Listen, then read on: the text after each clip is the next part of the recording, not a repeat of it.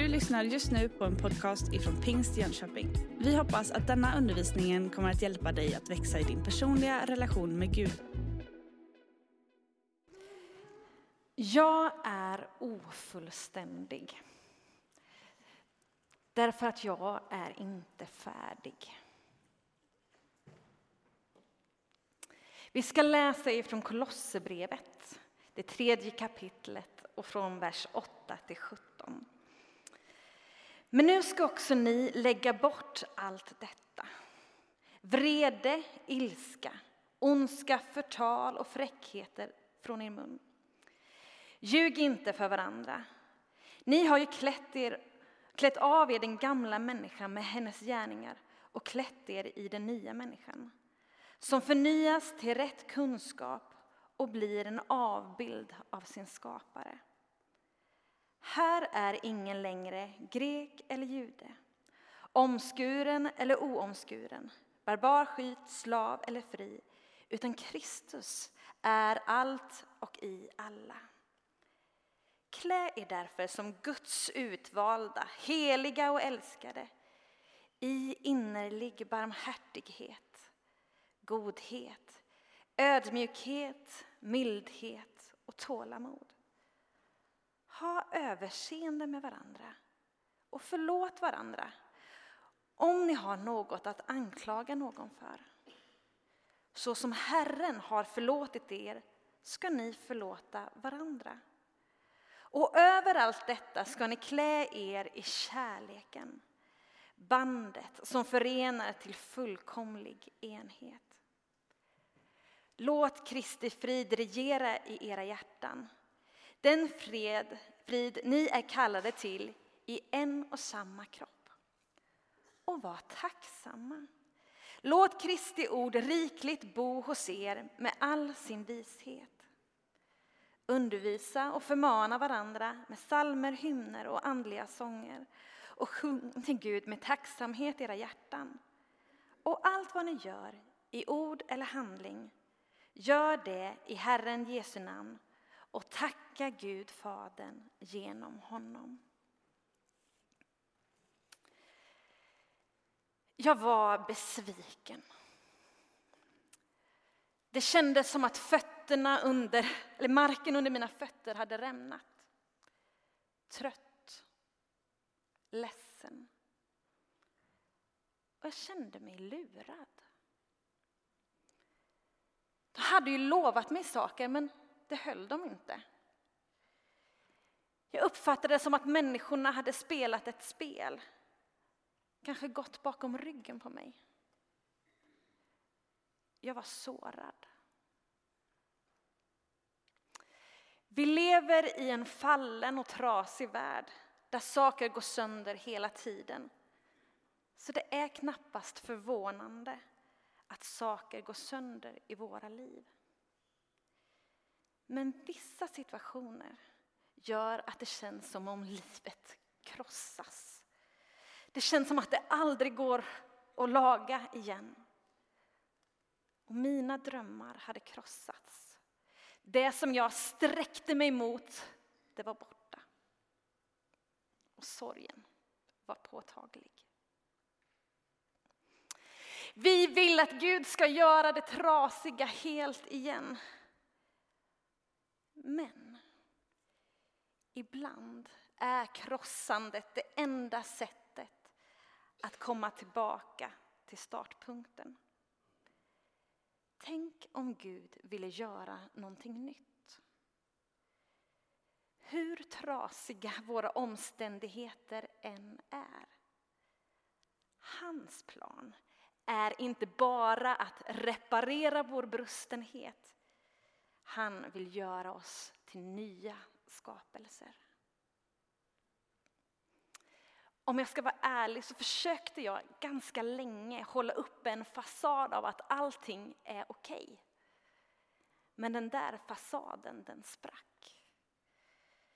Jag kunde inte hålla den uppe längre. Och jag började ifrågasätta saker som jag tidigare hade uppfattat var självklara. Vart var Gud i allt detta? Och jag började ifrågasätta hans vilja över mitt liv?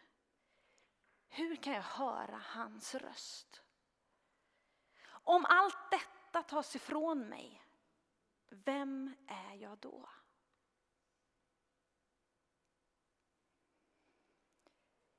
Min besvikelse ledde till anklagan.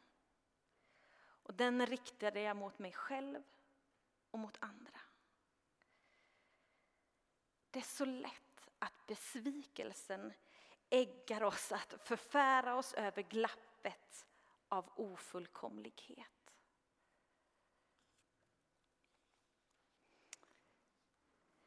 Jag fick tillbringa en hel del tid med att handskas eller att fundera på hur man handskas med sårade människor. En del har förmågan att rikta sina strålkastare mot andras sår. Det finns de som hellre kritiserar än tröstar. De som delar sina åsikter högljutt med alla. Och den bibeltext vi nyss läste säger en del om hur vi ska förhålla oss till varandra. Den talar om den nya människan och den talar om gemenskapen. Jag var tvungen att komma till en punkt av att visa barmhärtighet mot mig själv för att kunna visa äkta, djup barmhärtighet mot andra.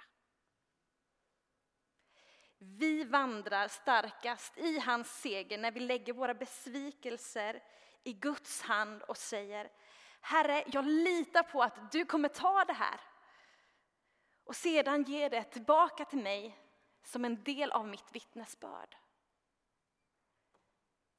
Lägg dina besvikelser i Guds hand och han får ta det och göra det till en del av ditt vittnesbörd. Tänk om vi istället för att bli så besvikna på andra kunde se deras behov av barmhärtighet.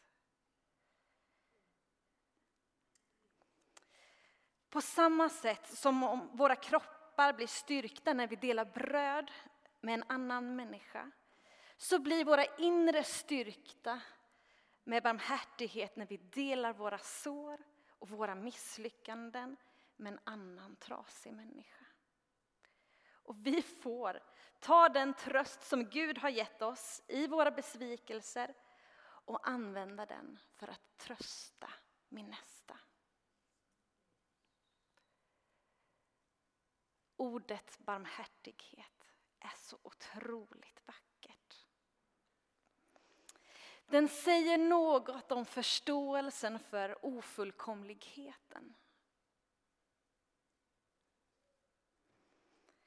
Man växer i barmhärtighet när man möter sitt eget lidande. Det där formar dig.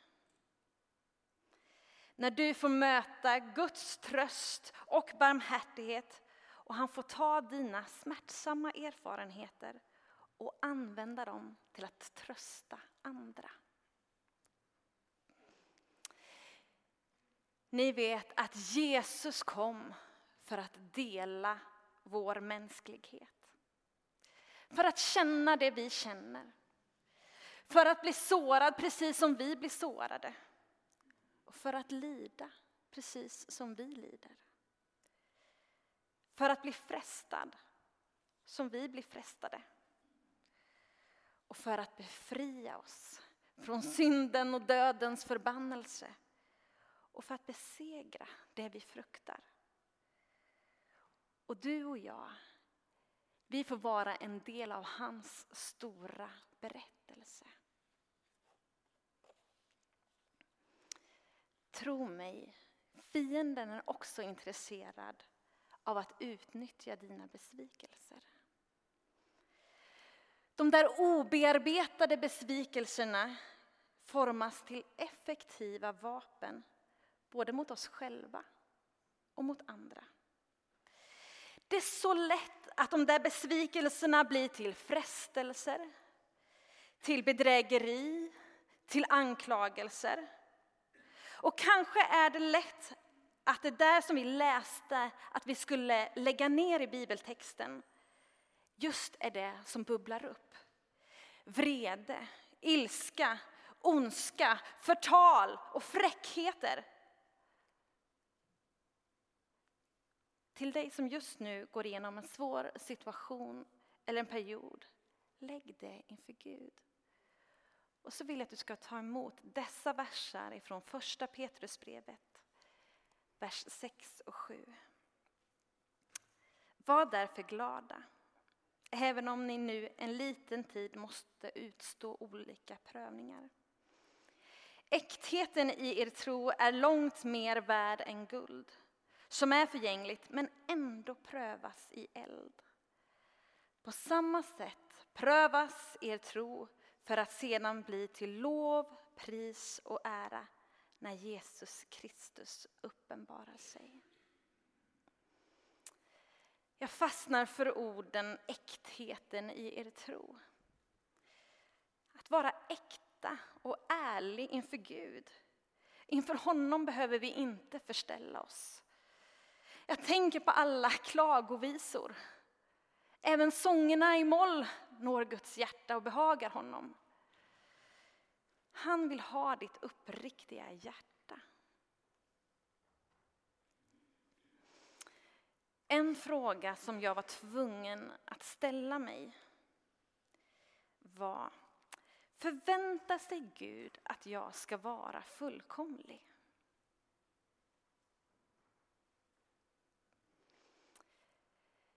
Kanske handlar det mer om att du och jag ska fullständigt kapitulera inför hans vägar och hans ord. En del av att vara människa är att vara sårbar. För det kräver en förtröstan på Gud. Att lita på Gud var en läxa som jag fick lära mig. Kanske den allra svåraste och viktigaste. Och du som känner mig vet om att jag tycker om att ha kontroll på läget. Jag försökte kontrollera allt, kanske att jag till och med försökte kontrollera Gud.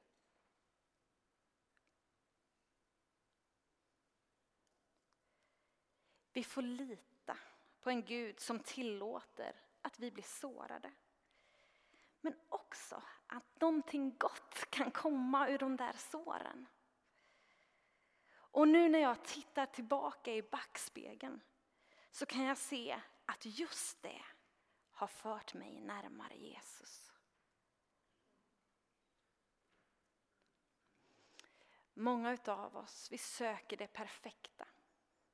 Det absoluta och det felfria. Vi lägger till och med filter på våra bilder på sociala medier. Vi jagar fullkomligheten. Ibland så behöver vi lära oss hantera vår egen fullkomlighet. Men ibland så behöver vi också lära oss att hantera andras.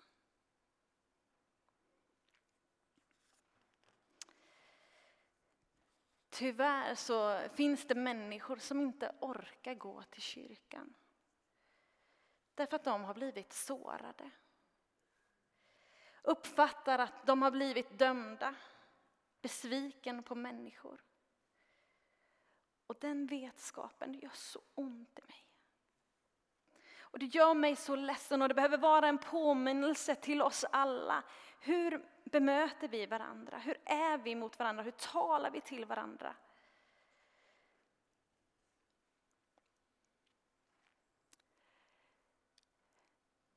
Jag tror att någon tänker på någon speciell person just nu när jag säger det här. Kanske att Gud lägger en viss person i ditt hjärta just nu. Någon som inte är här. Någon som inte är här men som kanske borde vara här. Kanske är det du som ska lyfta telefonen och ringa.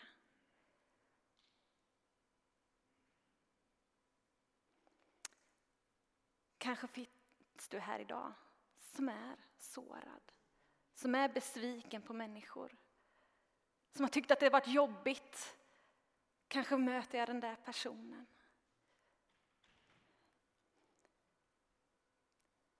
Jag vill bara säga välkommen hit. Välkommen. Det människor säger kan såra och göra ont. Men jag skulle vilja uppmuntra dig att vaka över det där i ditt inre. Låt det inte få gro allt för djupt så att det blir bittert. Utan vaka över det. Låt den helige ande som bor i dig få hjälpa dig att se på dina medmänniskor med rätt ögon. Han som är barmhärtighetens fader kan hjälpa oss att se på varandra med barmhärtighet. Alla är vi i stort behov och totalt beroende av Guds nåd. Andra Korintierbrevet 12 och 9 säger Min nåd är nog för dig, min kraft fullkomnas i svaghet. Men visst stod det eller i den där första texten att vi ska förmana och undervisa varandra? Absolut. Och så tänker jag på Matteus 7 och 1 och framåt. Där säger att vi inte ska döma. Döm inte så blir ni inte dömda. Ta först bort bjälken ur ditt eget öga så ser du klart nog för att ta ut flisan ur din broders öga. Att inte döma betyder inte Sköt dig själv och skit i andra, ursäkta uttrycket. Det är inte vad det betyder. För fortsättningen var ju från vers 5, ta först. Det betyder alltså att det kommer någonting mer. Ta först bort bjälken ur ditt eget öga så att du ser klart nog för att ta ut flisan ur din broders. Om jag går längs en väg som leder åt helt fel håll och här finns det ett stup. Så vill jag att någon kommer till mig och säger Anna-Kajsa, det är fel väg. Du kommer att falla. Kom. Jag kan hjälpa dig att hitta den rätta vägen. Jag guidar dig tillbaka.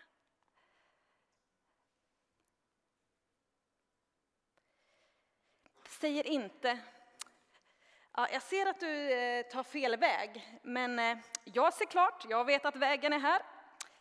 Jag dömer inte dig. Lycka till! Nej.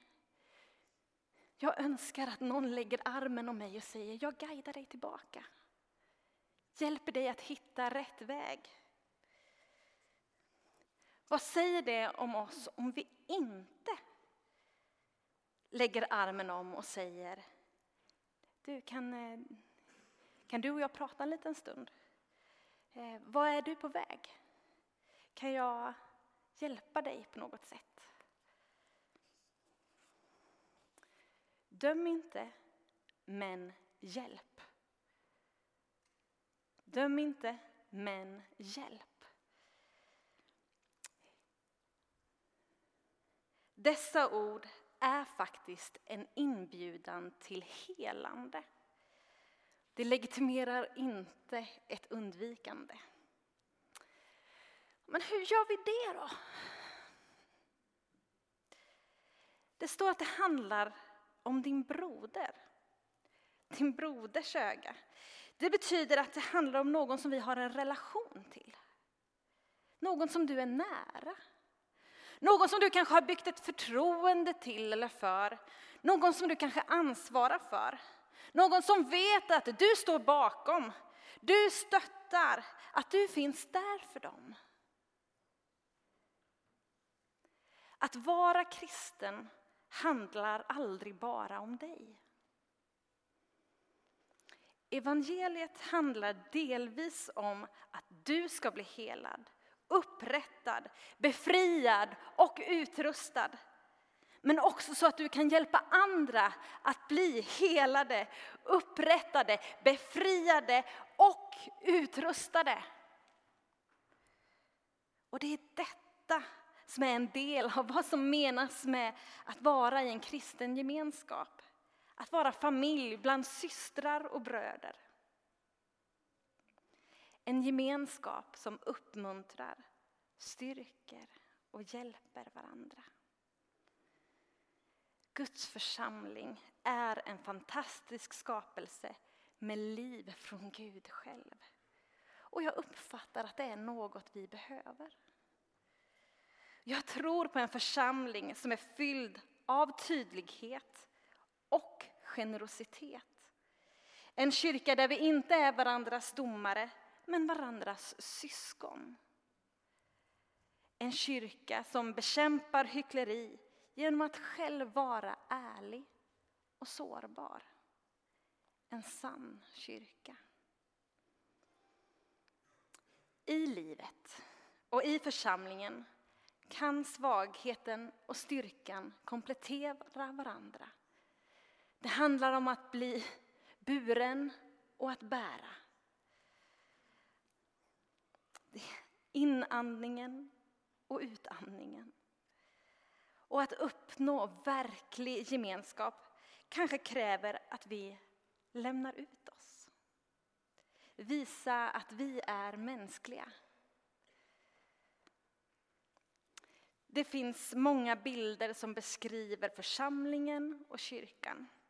Vi har vinträdet, kroppen med dess huvud och olika lemmar. Och vilken bild som än används så säger den att församlingen hör samman med Kristus. Utan honom så lever vi huvudlöst.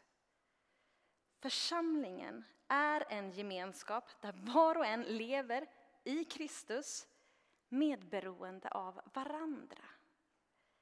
Och församlingen är den plats där Gud idag gett människor uppgift att gestalta Guds rike. Du och jag, vi tillsammans, vi som gemenskap får uppmaningen att gestalta Guds rike. En del av församlingens uppgift är att inför världen ge uttryck för vad det innebär att leva efter Guds vilja. Att i ord och i handling visa vad det innebär att vara och leva i Kristi kropp med Jesus som huvud.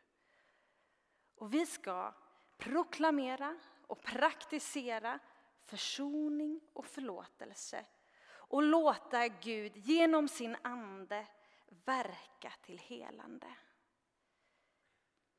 Och jag tänker på det som vi gjorde innan, när Johanna uppmuntrade oss att hälsa varandra med Kristi frid. Det är ju för att det inte ska finnas oförsoning mellan oss, utan vi ska ha frid med varandra. Vi hör ihop.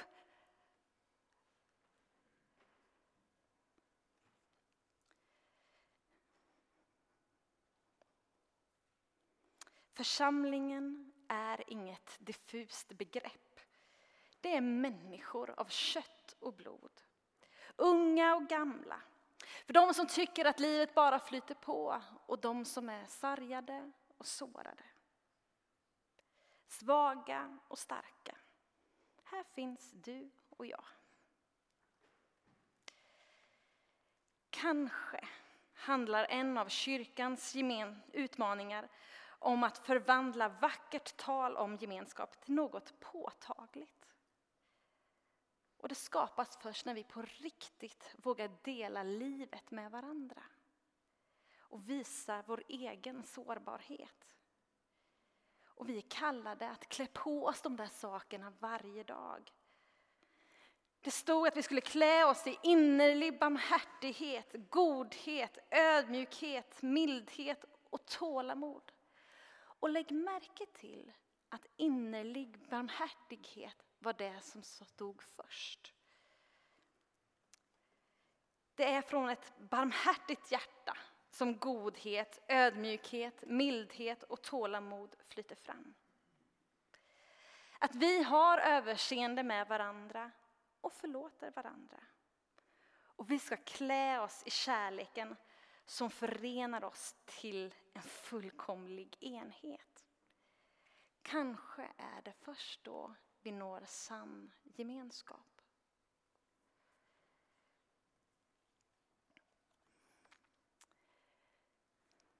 Den djupa smärta, frustration, missmod som kan finnas i våra liv kan inte mäta sig med den djupa källan av hopp, glädje och upprättelse som Gud har för oss.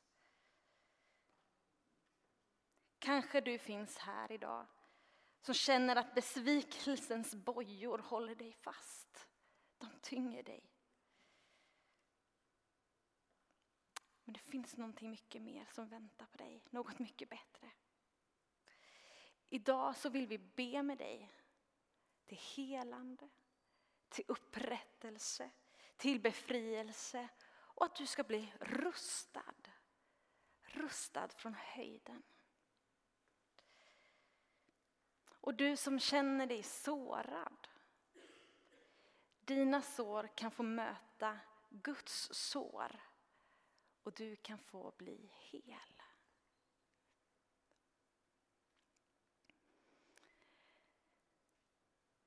När jag förberedde mig för den här predikan så uppfattade jag också att du finns här idag som kämpar just med det här med oförlåtelse och oförsoning.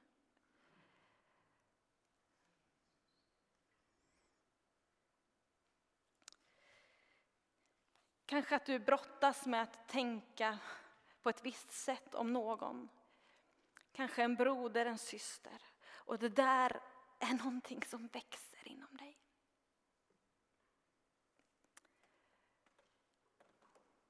Idag så vill Gud upprätta och hela relationer. Vi ska be för dig att du ska få kraft och vishet att möta den här personen.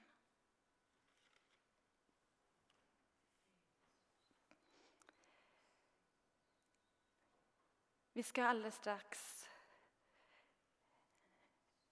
sjunga tillsammans, be tillsammans. Och på min högra sida här så finns det människor som är här idag för att be tillsammans och för dig. Det finns förebedjare och de kommer lägga armen om dig och så fråga dig vad vill du att vi ska be om. Kanske är det något av detta som jag har sagt som du vill att vi ska be för. Kanske har du kommit hit med ett helt annat bönämne. Då ska vi be för det. Men du som känner att du brottas med besvikelser, sår, oförlåtelse, behov av försoning. Vi vill be för dig. Herre, jag tackar dig för att du är stor. Jag tackar dig för att du är barmhärtighetens fader. Herre, tack att du har våra liv i din hand. Tack att vi får lägga våra liv i dina händer, Jesus. Med allt det vi är, allt det vi har, Herre. Alla de där goda dagarna, men också det som är tufft, det som är besvärligt, det som är jobbigt. Det får vi lämna till dig, Herre. Men jag tackar dig också att du vill göra någonting nytt.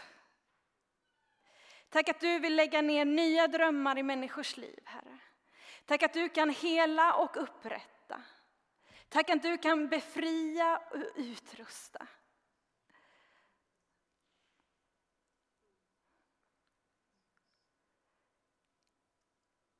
Herre, jag ber om beskydd över våra tankar idag, Herre.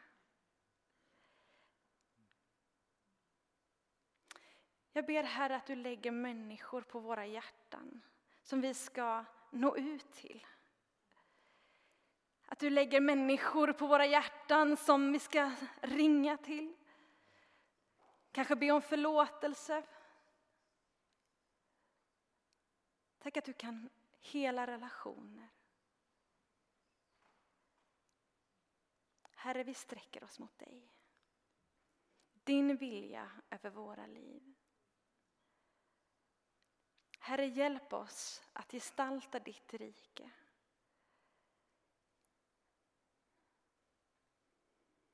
Hjälp oss att nå ut med din frid, din fred.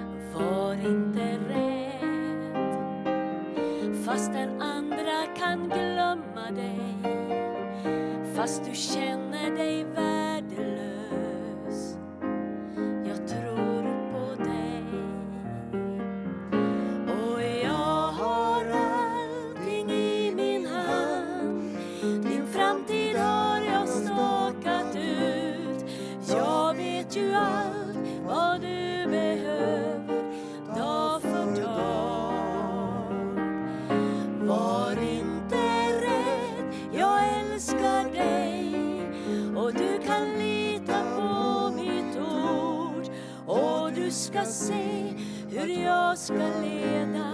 Steg för steg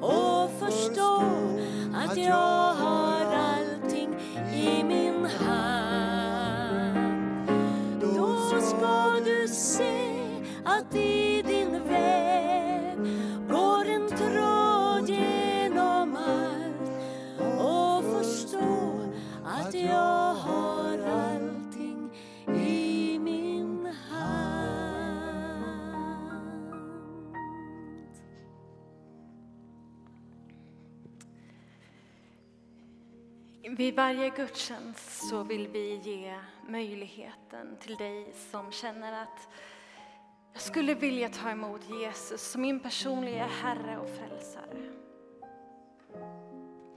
Kanske känner du att det där vägen är åt helt fel håll. Jag ser att det är en klippa, jag håller på att falla. Gud vill hjälpa dig på rätt väg.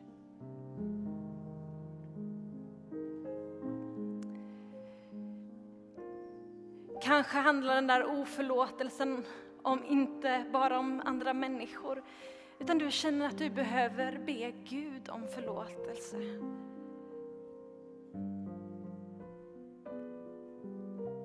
Det här är ditt tillfälle. Och i respekt för varandra så sluter vi våra ögon. Finns du här i den här lokalen idag som vill ta emot Jesus som din personliga Herre och Frälsare så är du välkommen att räcka din hand.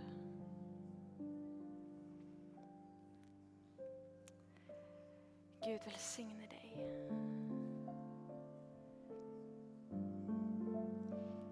Är det någon mer som vill räcka sin hand? Gud välsigne dig.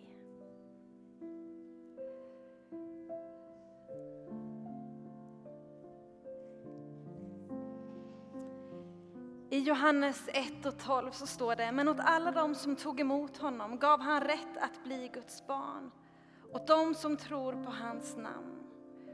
Och Romarbrevet 10 och 9 säger att om du med din mun bekänner att Jesus är Herre och i ditt hjärta tror att Gud har uppväckt honom från de döda, då ska du bli frälst. Nu ska vi tillsammans bekänna att Jesus Kristus är Herre. Jag ber först och ni ber efter. Så får det här bli våran överlåtelsebön. Jesus, jag tar emot dig nu. Jag bekänner att du Jesus är min Herre. Jag tror att Gud har uppväckt dig från de döda. Förlåt alla mina synder. Tack Jesus att jag nu är frälst och ett Guds barn. Amen. Du har just lyssnat på en podcast ifrån Pingst Jönköping. För att få reda på mer om vilka vi är och vad som händer i vår kyrka så kan du gå in på pingstjonkoping.se eller följa oss på sociala medier via pingstjkpg.